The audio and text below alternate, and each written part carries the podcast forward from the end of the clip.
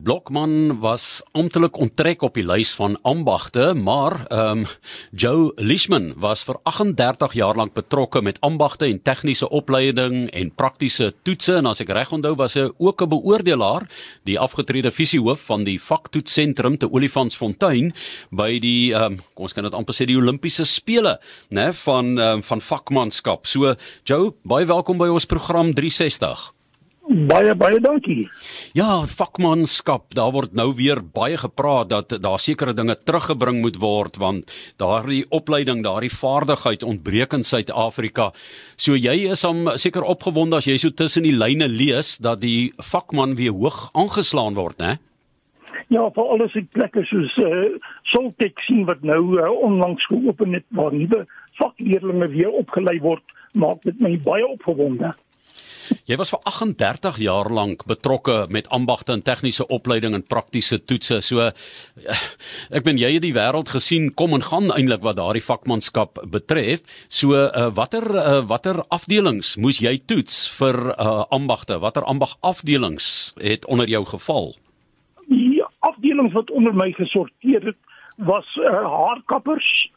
Nou was uh, natuurlik die uh, alle elektriese ambagte, elektronika, al die lugvaartafdelings, uh, al die ambagte wat onder die lugvaartafdeling val, sowel as natuurlik uh, elektriese nasluit ons nou alles soos tot ehm um, yskas uh, in huishoudelike toerusting en al daai ambagte.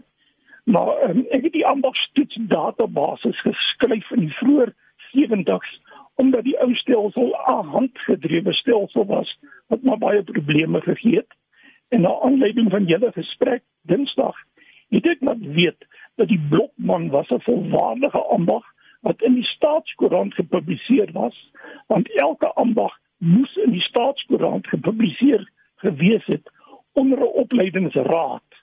Nou die opleidingsraad soos jy sal weet is nou natuurlik uh, uh, tot nie maar dis oorgeneem deur die SETAs en die blokman was 'n volwaardige um, ambag en ons het 'n vol, volledige toegeruste slaghuis gehad waar die mense wel getoets was.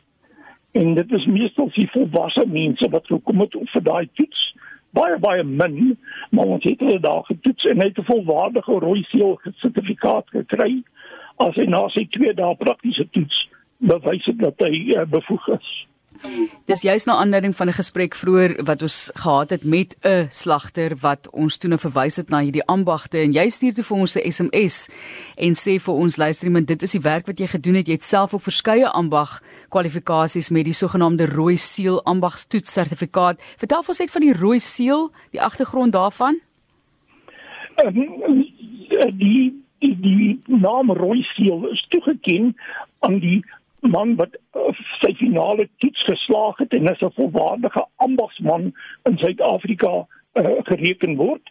Want die sertifikaat wat uitgereik was het 'n rooi seël onderop gehad en uh, natuurlik hy baie gou bekend geraak as die rooi bekend word as die rooi seël sertifikaat.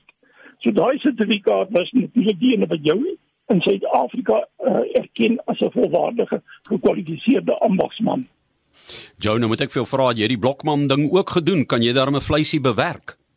Ja, ek sê ek het natuurlik baie baie by die huis bietjie vleis gedoen, maar die blokman was soos ek sê daar was bitter bitter man van hulle wat ooit getoets was, want die probleem wat die blokman gehad het en hoekom hy tot nie gegaan het, al die ambagte was onder nywerheidsopleidingsrade ingedeel en daai rade was verantwoordelik vir sekere werke omtrent ambagte. En antwoorde die opleidingsskedules en die opdatering daarvan in die indiensneming van vakleerlinge en so aan.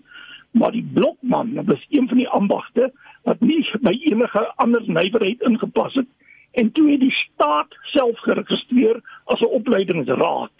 Nou die staat is verantwoordelik daarvoor maar as opleidingsraad het die staat uiteindelik net op papier bestaan hulle het nooit vergaderings gehou en daai tipe dinge soos wat baie van die baie goeie opleidingsrade soos die spoorweë en metaalnywerheid en die mynnywerhede en so on natuurlik hulle vakdeling geadministreer het. So die staat het regtig waar nooit iets daarin gedoen nie en later dan het hulle my gevra om hom maar te onttrek want daar is nie mense wat aansoek doen daarvoor nie. Joe Lishman is ons gas met wie ons gesels 38 jaar betrokke met ambagte en tegniese opleiding en uh, ook aangestel as beoordelaar in die wêreldvaardigheidskompetisies in verskeie lande van die wêreld dis nou die Youth Skills Olympics. Maar jouself het ook oorsee opleiding ontvang nie waar nie? Watter lande?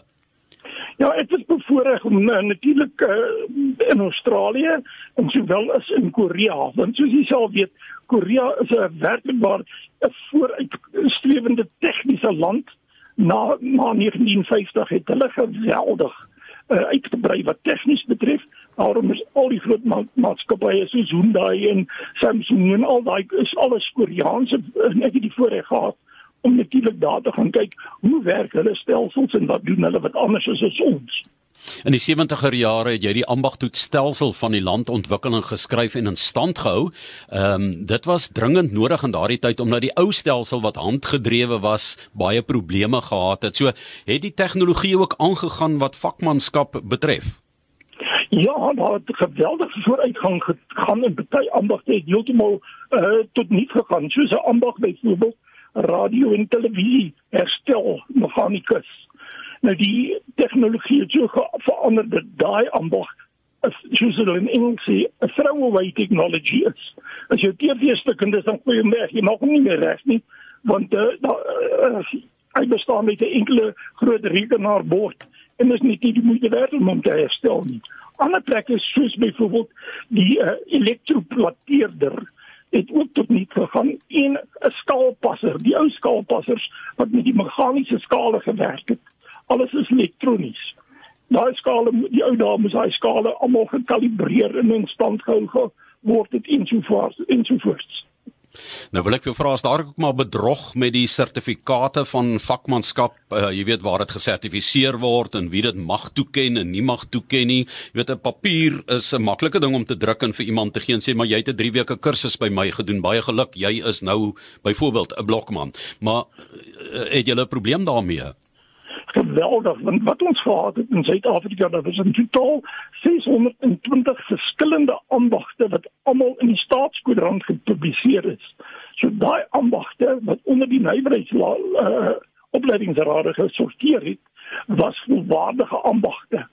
So as iemand my ooit gekontak het en gesê hulle is betrokke met 'n ambag dan sal ek hulle sê as jy 'n vakleerling is, moet jy 'n kontrak gesluit het So wat is jou kontraknommer? En jy sal verbaas wees om te sien dat soveel mense is in diens geneem en deur die uh, werkgewer gesê jy's nou 'n vakleerling, maar jy nou nie daai kontrak gesluit nie. En uh, so hy was nie 'n volwaardige vakleerling nie met met al daai soort probleme. Nou die vakleerlingstelsel wat ek destyds geskryf het was gedoen omdat ons soveel probleme gehad het met bedrog oor sertifikate en so voort. En gelukkig op daai stelsel het iemand vir my gesê hulle het in 1982 as 'n passer en daai getoets, kan ek net vir die man sê, gee vir my jou ID-nommer en op daai ID-nommer kan ek wel kyk op my database baie gou of jy getoets was en of jy geslaag het. En natuurlik dit was ook baie gebruik deur oorseese lande wat hier alle rande ure van die dag gebel het en gevra het asseblief ons virus Suid-Afrikaner ons wil net weet of daai sertifikaat wat hier aan ons voor lê geldig is.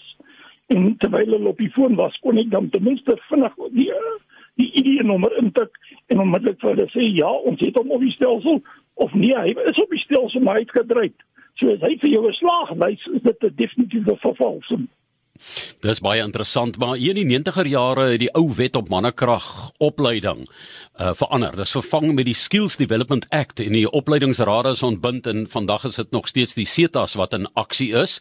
So uh Joe, die SETAs moet nou daardie as dit ware werk ondervang, né? En en uh dit is ook maar 'n oorgangsstadium en 'n fase gewees in Suid-Afrika. Ja, dit is baie baie uh, groot veranderings plaasgevind. Dit ongelukkig in baie gevalle is die baba saam met die badwater uitgegooi en baie van daai ambagte het 'n bietjie seer gekry veral wat die tegniese inhoud van daai ambagte betref. Want die kwalifikasies was by SAQA geregistreer en die ambag destyds was by die departement geregistreer. As ek sê departement, jare terug was dit die departement van onderwys toe word dit natuurlik uh, die departement van mannekrag wat toe verander het na die departement van ehm um, uh, arbeid en nou onlangs is hy weer teruggeskuif na die so departement van onderwys toe.